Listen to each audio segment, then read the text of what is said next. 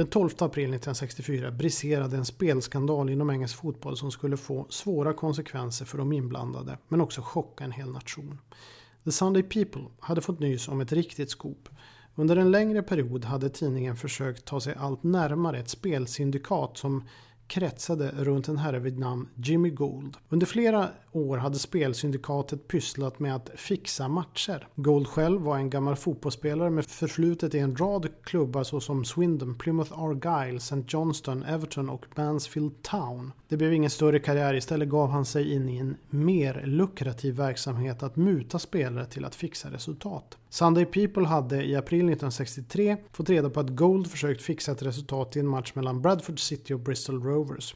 Två Rovers-spelare, målvakten Esmond Million och innern Keith Williams nämndes vid namn i tidningen där det framgick att de tagit emot pengar från Gold. Båda blev bötfällda och avstängda från fotboll för resten av livet. Vilket också skedde för Manfield Towns Brian Phillips som genomfört den första kontakten med Million. I augusti samma år erkände Hartlepool Uniteds Kent Thompson för Sunday People att han hade ett vad med Gold syndikat på att Hartlepool skulle förlora mot Exeter. Även han blev avstängd för livet och snaran stramades åt runt Gold som en vecka senare namngavs som hjärnan bakom härvan. Gold insåg eh, vartåt det barkade och tänkte sig till att kräma ur det sista han kunde och sålde därmed sin story till Sunday People för 7000 pund, alltså motsvarande 127 000 pund idag, eller 130 kanske eh, uppe i. Och han hade något riktigt smaskigt att avslöja. Hittills hade det rört sig om spelare och lag, klubbar i de lägre divisionerna.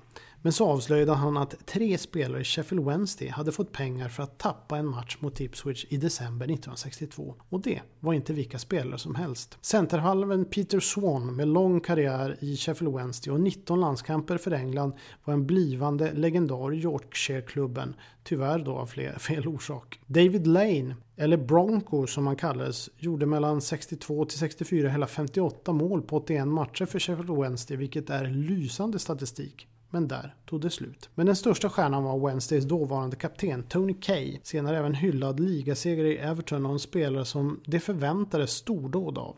Det hann bara bli en landskamp 1963 visserligen för England, men mål i debuten. Vänsterhalven kostade Everton 60 000 pund 1962, vilket då var brittiskt rekord. För Evertons manager Harry Catrick skulle det bli ett hårt slag då Kay var en nyckelperson i hans lagbygge.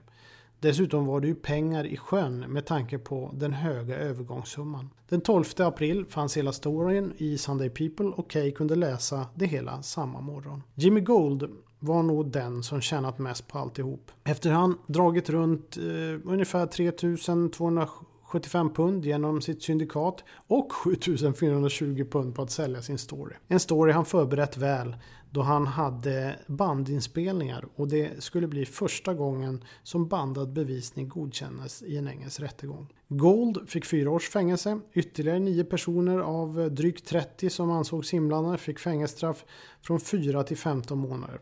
Men det värsta var nog bannlysningen från fotboll på livstid, även om flera benådades efter överklagan. Efter benådning blev det för Peter Swan en säsong för Barry 73-74 varefter han övergick till spelande manager för Matlock Town där även David Lane avslutade sin karriär som dock direkt efter benådningen försökte ta sig tillbaka till helprofessionell fotboll men det blev bara fyra matcher utan mål som utlånad till Hereford United säsongen 72-73 innan han varvade ner i just Matlock Town. Då. Tony Kay var 28 år när han släpptes ut ur fängelse och återvände aldrig mer till professionell fotboll. Idag är han uppskattad hjälte på Merseyside och var en av hundra legendarer som under Evertons firande av 100 säsonger i högsta divisionen 0203 fick en stående ovation. Skandalen dramatiseras också av BBC som radioteater men även på TV där Tony Kay spelas av Jason Isaacs och Jimmy Gold av Christopher Fulford. Det görs dessutom ett porträtt av Evertons manager Harry Catterick som framstår som en kraftig, bullrig och grov person med en ruskig dialekt från norr Catterick var tvärtom en stel man med pressad kostym som lagt till sig med Queens English och knappt var kapabel, än mindre bekväm med att visa känslor och stora gester. Han drack vin med måtta, tog danslektioner och drevs av en mer teoretisk utgångspunkt till allt i livet. Men det mest ironiska av allt var nog att i denna ödesdigra match mot Ipswich 1962, ja, då blev Tony Kay Man of the Match.